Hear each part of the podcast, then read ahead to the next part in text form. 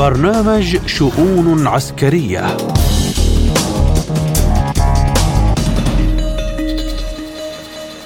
تحية طيبة مستمعينا الكرام في كل مكان على أثير إذاعة سبوتنيك بموسكو. مع حلقة جديدة من برنامج شؤون عسكرية أصحابكم فيها أنا محمد جمعة والبداية بأبرز العناوين. أوكرانيا تعتزم استلام أول عشر دبابات أمريكية من طراز أبرامز والبنتاغون يبرم عقدا مع شركة ريتيون الأمريكية لشراء صواريخ جو جو متوسطة المدى من طراز أمرام. ملفات عسكرية تبرز مجددا مع إعلان رئيس منظمة معاهدة الأمن الجماعي. عن إجراء مناورات في بيلاروسيا تحت عنوان أخوة القتال مؤكدا أن السلاح النووي الروسي هو الضامن لأمن جميع أعضاء المنظمة الجيش الإيراني يقول إنه قد يضع منظومات دفاع جوي في دول أخرى عند الضرورة كل هذه العناوين مستمعينا الكرام نناقشها بشكل حر وشفاف مع ضيوف الكرام بشؤون عسكرية عبر أثير إذاعة سبوتنيك للأنباء بموسكو. وتستمر العملية العسكرية الروسية في أوكرانيا. حيث يحبط الجيش الروسي محاولات قوات كييف المستميتة لاختراق دفاعاته على مختلف الجبهات ويكبدها خسائر فادحة بالعتاد والأرواح. كشفت صحيفة أمريكية أن أوكرانيا بصدد استلام أول عشر دبابات أمريكية من أصل 31 دبابة من طراز أبرامز وذلك في منتصف سبتمبر حيث يأمل المسؤولون الغربيون أن يساعد ذلك على دعم الهجوم المضاد الأوكراني. في سياق متصل أبرم البنتاغون عقدا مع شركة ريتيون الأمريكية بمبلغ 192 مليون دولار لشراء صواريخ جو جو متوسطة المدى من طراز أمرام كجزء من ميزانية المساعدات العسكرية المقدمة لأوكرانيا. فيما اعتبرت وزارة الخارجية الروسية ذلك لعبا بالنار وتحريضا يؤجج الأزمة ويقوض فرص السلام وقد يؤدي إلى نشوب حرب نووية. من جانبها حذرت وزارة الدفاع الروسية الدول الغربية من إمداد أوكرانيا بالأسلحة وتوعدت بسحقها على الأراضي الأوكرانية. وللحديث أكثر عن هذا الموضوع نستضيف معنا الخبير بالشأن الروسي مدير مركز GSM للدراسات الدكتور آصف ملحم. أهلا بك دكتور آصف بشؤون عسكرية. تحياتي لكم وللسادة المستمعين وشكرا على الاستضافة. وأبدأ معك من احتمال تسليم أوكرانيا أول عشر دبابات من طراز أبرامز في منتصف سبتمبر. السؤال دكتور لماذا تتأخر عمليات تسليم هذه الدبابات باستمرار؟ وفي حال حصلت أوكرانيا عليها هل سيؤثر ذلك على مسار العملية العسكرية الخاصة؟ أستاذ محمد يجب أن نلاحظ قضية واحدة في عملية تزويد أوكرانيا بالأسلحة. الجميع بدأ يفهم أن هذه الأسلحة التي تقدمها الدول الغربية لأوكرانيا لا تغير في مسار المعركة. نعم أي سلاح يقدم يعني المبدأ العام هو أي قد أي سلاح يقدم حتى لو كان بارودا هو طبعا خطر يشكل على القوات الروسية ولكن في مسار المعركة العام لا يغير شيء إطلاقا. لذلك الحقيقة أن أن الدول الغربية تتخلص من مما عندها من مخزون في مستودعاتها وبدأ يتلف يعني وتقدمه لأوكرانيا بحجة مساعدة مساعدة أوكرانيا عسكريا. لذلك أعتقد أن أننا يجب أن ننتبه لهذه النقطة دائما. ونحن ونحن أشرنا سابقا إلى منظومات فساد معقدة جدا في أوكرانيا وفي الدول الغربية وتتقاضى الأموال عبر هذه لأن العقود العسكرية عموما هي عقود سرية ولا أحد يعرف تفاصيل هذه العقود. وبالتالي أعتقد عملية التأخير بحد ذاتها مرتبطة بشأن واحد. أنهم لا يريدون أصلا انتصار لأوكرانيا لا يريدون أن ينط... لأوكرانيا أن تنتصر، هم من صالحهم ان تستمر هذه المعركة آه إلى أكبر قدر ممكن اولا لاستنزاف روسيا من جهة وبشكل. و... وتحقيق أرباح مادية من جهة أخرى آه عبر هذه الصفقات يعني. آه فيما يتعلق بهذه الدبابات تحديدا وفق تصورنا جميعا هذه الدبابات عملت سابقا بالعراق وفيها العديد من النواقص ونحن أشرنا إلى نقطة هامة أنها تستهلك يعني كميات كبيرة من الهواء لأنها مزودة بمحرك توربيني غازي وهذا وهذا يعقد عملها في الاجواء في الأجواء الحارة بشكل عام. وإذا تم تم تسليمها في سبتمبر يعني يكون الجو عادة يعني ماطر في تلك المنطقة فأعتقد أن عملية حركتها ومناورتها تكون بطيئة جدا لذلك أعتقد عشر دبابات لن تغير في مسار المعركة لصالح أوكرانيا أي شيء على الإطلاق ستقوم بروسيا بتدميرها كما دبر كما دمرت سابقا آه، شركاتها دبابات ليوبارد الألمانية. نعم للأسف الشديد دائما سياسة الرماد قوية جدا دكتور آصف. قال زيلينسكي أنه يريد 160 طائرة مقاتلة من طراز إف 16 من الغرب، هل سيتم تلبية مطالبه وهل يمكن القول أن الولايات المتحدة تريد التخلص من هذه الطائرات لزيادة الطلب على مقاتلاتها الأخرى؟ أستاذ محمد الجميع يعلم أن الطائرات الموجود التي كانت موجودة في الدنمارك وهولندا يعني الرقم لا اتذكره بالضبط ولكن في أعتقد في في هولندا يوجد 31 طائرة F 16 وفي الدنمارك يوجد 42 طائرة. الدنمارك وهولندا تريد تجديد أسطولها من الطائرات واستبدال هذه الطائرات F 16 بطائرات F 18 وهذا الجميع يعلمه. آه، وبذلك لذلك تريد هذه الدول تسليم هذه الطائرات لأوكرانيا آه، والتخلص منها بكل بساطة، هذه نقطة، النقطة الثانية الجميع يعلم أن هذه الطائرات لن تشكل فارقا في المعركة، يعني 100 آه، 160 طائرة تحتاج إلى بنية تحتية متطورة جدا، مصانع لتنقية الكيروسين، مطارات، هنجارات، أماكن للخدمة والصيانة والتدريب أيضا. التدريب الذي سيتم في دول أخرى يعني آه، الولايات المتحدة الأمريكية رفضت في البداية أصلا تدريب الطيارين الأوكرانيين وهناك دول أخرى وافقت على التدريب.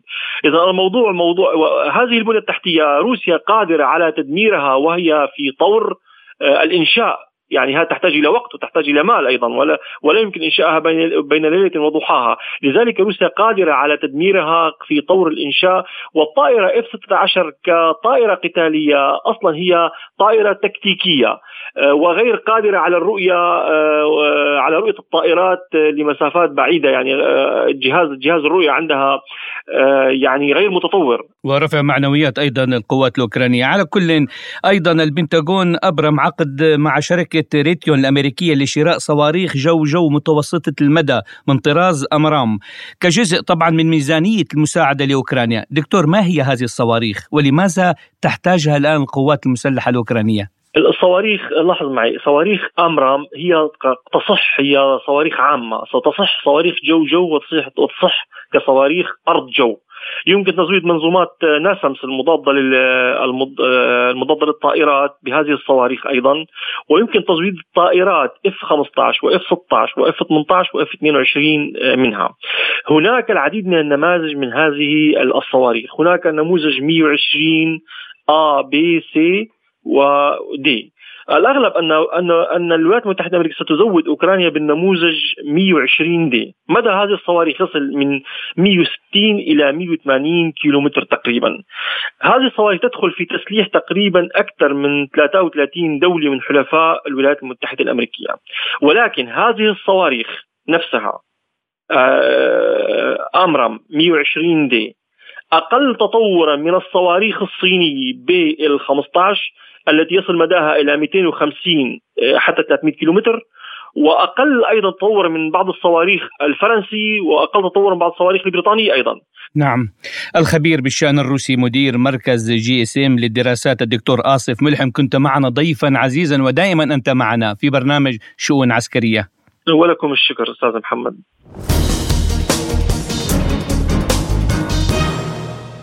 وإلى مناورات اخوه القتال التي تنظمها دول منظمة معاهدة الأمن الجماعي التي تضم كلا من روسيا وبيلاروسيا وأرمينيا وكازاخستان وقرغستان وطاجكستان.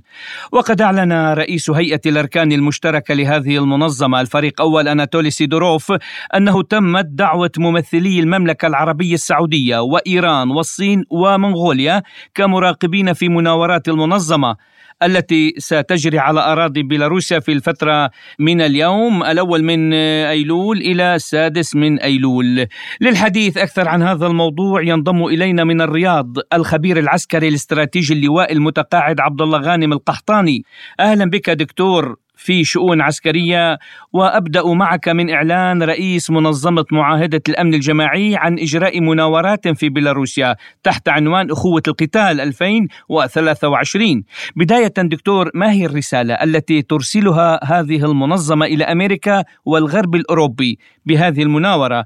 وهل بدأ السلاح بالتكلم لتخرس الدبلوماسيات؟ آه، من حيث المبدأ يعني هذه المنظمة منظمة معاهدة الأمن الجماعي هي منظمة قديمة جدا ولها أنشطة ولها أعضاء معروفين ولها أيضا رسائل مختلفة منذ إنشائها وهو التعاون الدفاع المشترك محاولة حفظ الأمن والاستقرار في تلك المنطقة المهمة جدا من العالم وأيضا منع التدخلات الأخرى من خارج تلك المنطقة. هذا تاريخا ولكن في هذه المرحلة هذه الدعوة أو هذه المناورة الحديثة مناورات مختلفة تحت مسمى الأخوة القتالية 2023 هي تأتي استمرارا لنشاط هذه المنظمة. ولكن التوقيت مهم جدا. خلال أو أثناء خلاف شديد وتوتر في العلاقات بين روسيا وبين المعسكر الغربي وخلال عمليات محتدمة على الأرض الأوكرانية وخلال خلاف شديد بين حلف الناتو وبين روسيا الاتحادية وأيضا حلفائها الآخرين. هذه المناورات في هذا التوقيت تشير إلى أن هذه الدول التي تكون هذا التجمع المهم جدا آه، تقول أو تقول قيادتها بأننا في ظروف استثنائية وأن لدينا حلفاء آخرين. وإجراء مثل هذه المناورات الكبيرة على أراضي بيلاروسيا أيضا له دلالة أخرى وهي أن هذه الدولة الحليف لروسيا وأيضا القريبة جدا ضمن هذا الاتحاد آه، تعطي رسائل لجيرانهم الغرب. وخصوصا بولندا وغيرها بأننا أيضا نتجمع هنا من أجل إرسال رسائلنا إليكم. هذه قراءتي. الناتو يرسل رسائل مختلفة والآن جاء دور منظمة أخرى تقول لهم ونحن أيضا قادرين على إرسال رسائل آه، بشأن هذه الخلافات وبأننا متحدين وبأننا قادرين على أن نحشد جهود مختلفة سياسية وأمنية وعسكرية وأيضا شعبية وهذا مهم جدا. هذا ما اقراه في هذا التجمع المهم وفي هذه العمليات الاستراتيجية التي آه، هي حقيقة يعني تنم عن معاهدة للأمن الجماعي وهذا مهم جدا هذا أمن جماعي لهذه الدول. وحينما يجرى مناورات بهذا القدر في هذه المرحلة فهي بكل مصداقية وبكل وضوح هي رسالة موجهة إلى آه، الدول التي آه، لها يعني موقف آه، شديد الخطورة من روسيا. دكتور إلى أي درجة ازدادت حدة التسخين الميداني على الأراضي الأوكرانية ليكون هذا التزامن مع المناورة؟ هذا السؤال مهم جدا نعم هنا تسخين ميداني وهنا عمليات مختلفة وهنا جزء مهم في هذه المناورات مناورات منظمة معهد الأمن الجماعي وهو آه، مواجهة أو محاولة مواجهة من خلال سيناريوهات مختلفة الطائرات بدون طيار وهجمات هذه المنظومة التي أصبحت تهدد الكثير. وهذا المجال آه، معقد وأيضا خطير. الطائرات التي تستخدم لمهاجمة المراكز المدنية في أي عاصمة وبالمناسبة تعرضت الرياض لهذا الإرهاب كما تتعرض له بعض المناطق حاليا في روسيا. وهذه المنظومات التي تستخدم لإرسال الموت والدمار عبر الديناميت والعبوات المتفجرة لا تفرق بين مدني وبين عسكري ولا بين طفل ومدرسة.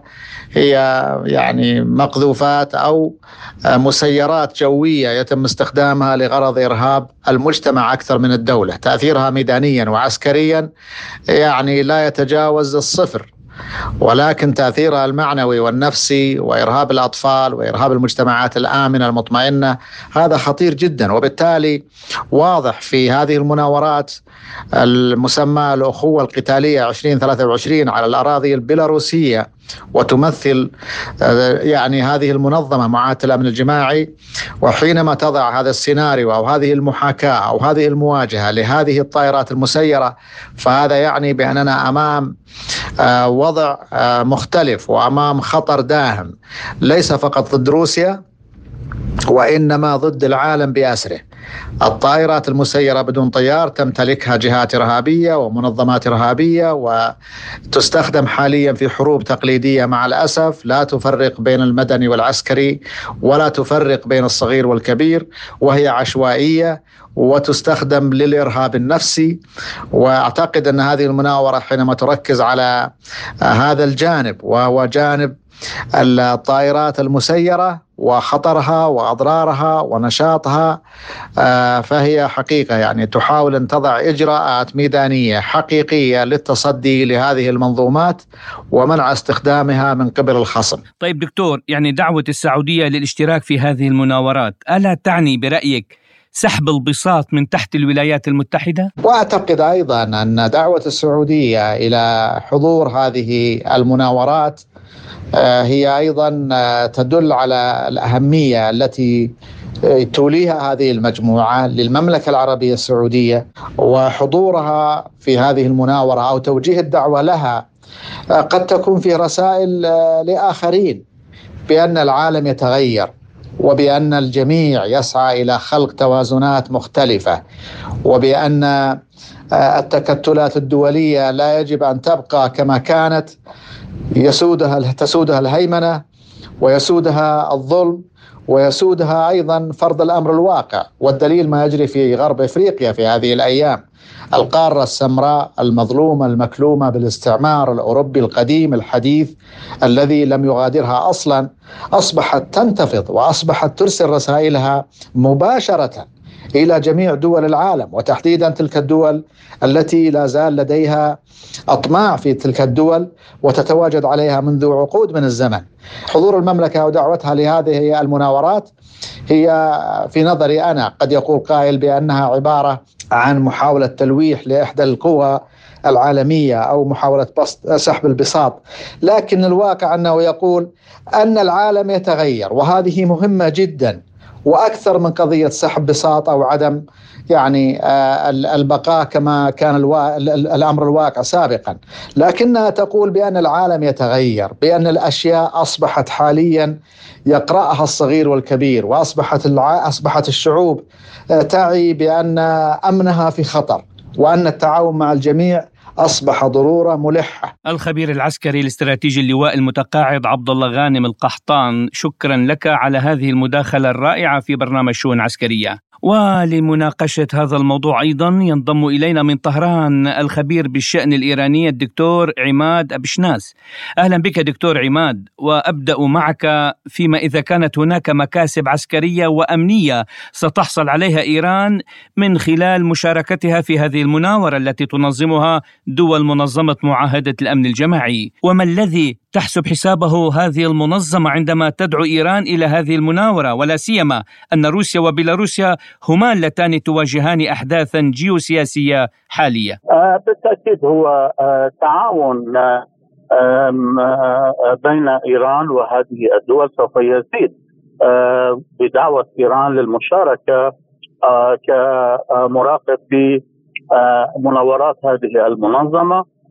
عمليا معظم الدول تنضم إلى المعاهدات بعد بضعه سنوات من مشاركتها في برامج هذه الدول بشكل مراقب واليوم نرى أن بعض الدول مثل إيران تم دعوتها للمشاركة كمراقب وممكن في المستقبل أن نرى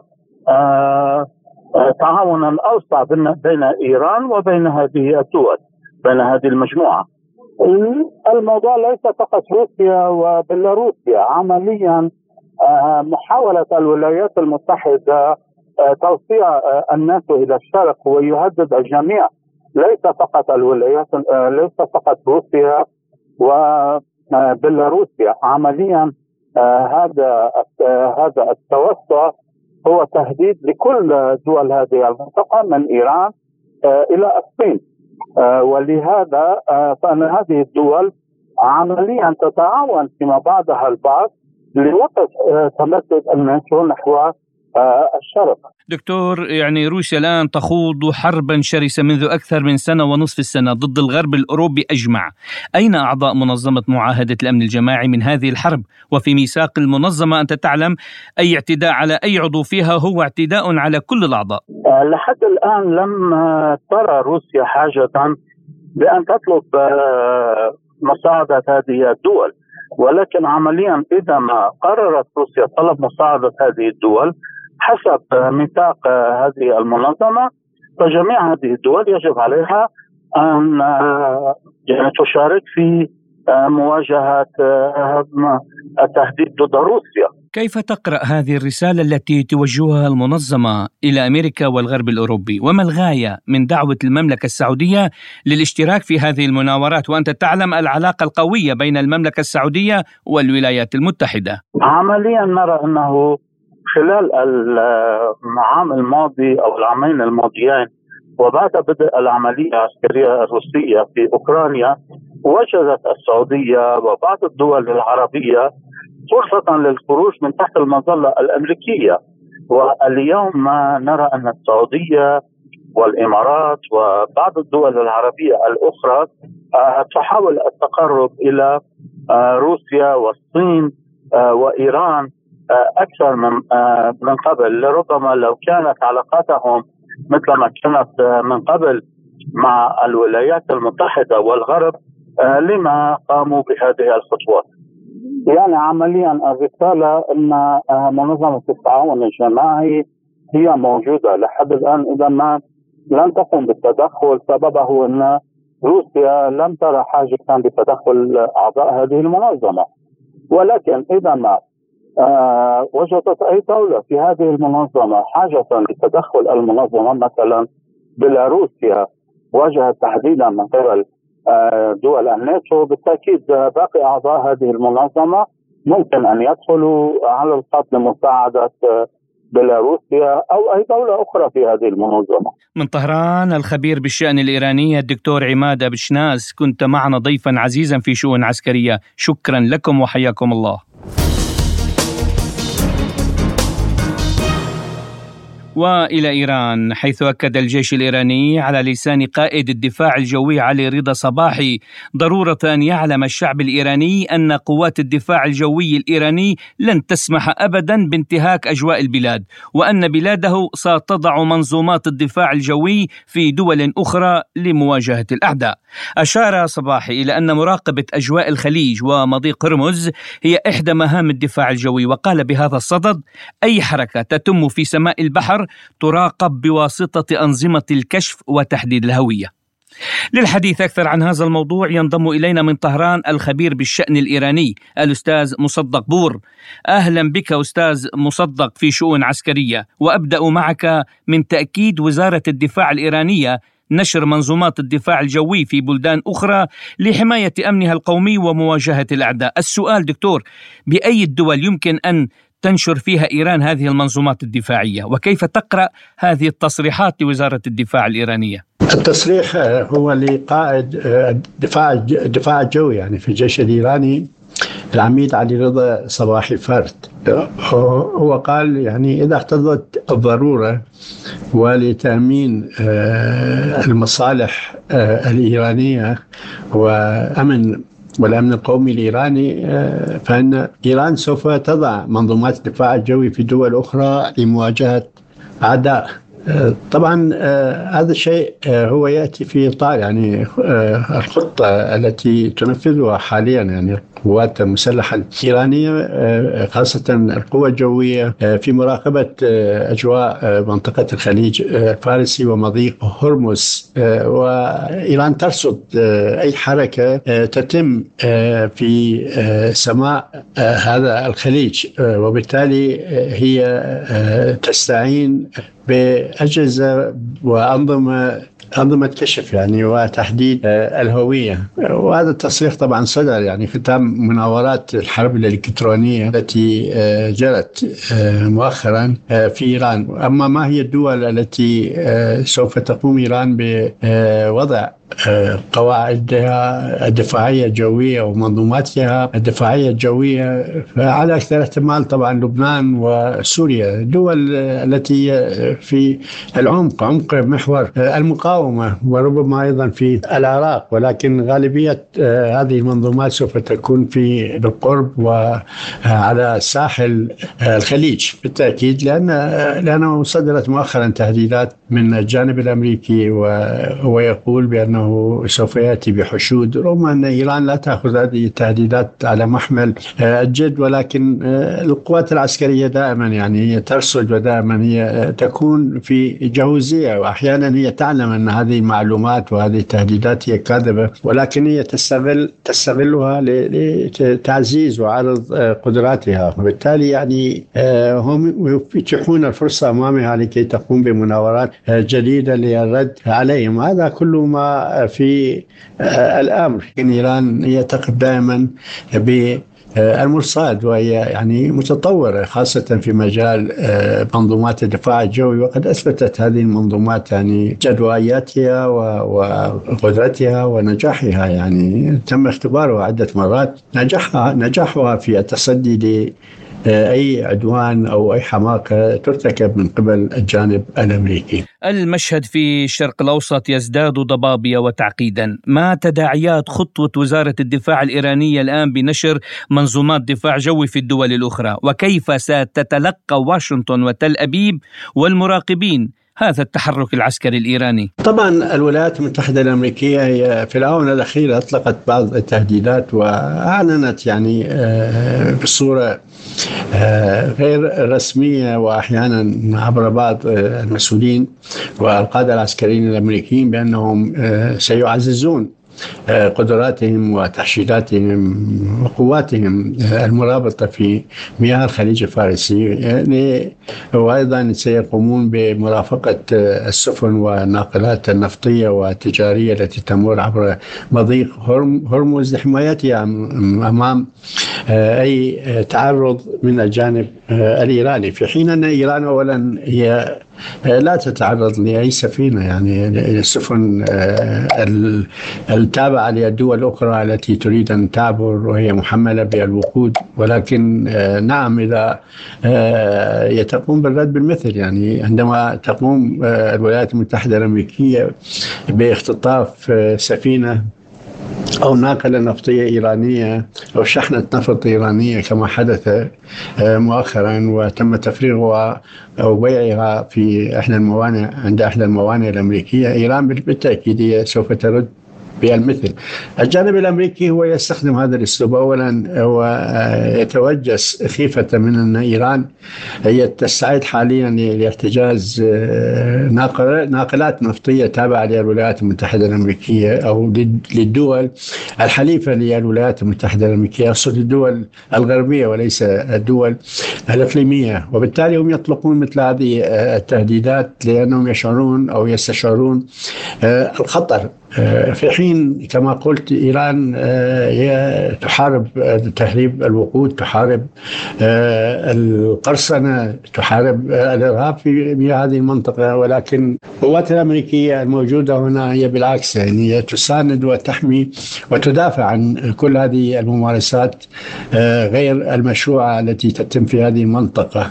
وبالتالي هذا هو الديدن الأمريكي وإيران ربما ترد يعني من خلال هذا الموضوع. وأما قضية هذه التحشدات أساسا أنا لا أعتقد يعني صحيح ربما كانت هناك تحركات وسمعنا في الآونة الأخيرة تصريحات من مسؤولين وقادة أمريكيين آه، بأنهم وحتى من السفيرة الأمريكية آه، في بغداد تقول بأن آه، الولايات المتحدة الأمريكية لم تأتي بجنود وبقوات جديدة وإنما استبدلت هذه القوات يعني بقوات قديمة غادرت المنطقة وهذه القوات جاءت لتسد العجز الحاصل نتيجة لمغادرة تلك القوات لهذه المنطقة. وبالتالي يعني هناك نفي أمريكي ولكن هناك بعض التحركات إذا أردنا أولا في في العراق. يعني هناك نشاط لداعش وهناك عمليات تستهدف قوى المقاومة.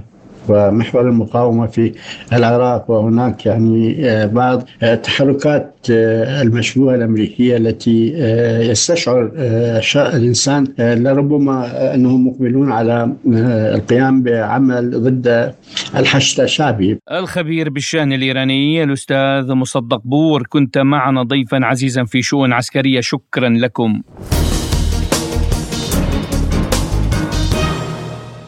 إلى هنا مستمعينا الكرام تنتهي حلقة اليوم من شؤون عسكرية وقدمناها لكم على موجات إذاعة سبوتنيك بموسكو. كنت معكم أنا محمد جمعة إلى اللقاء.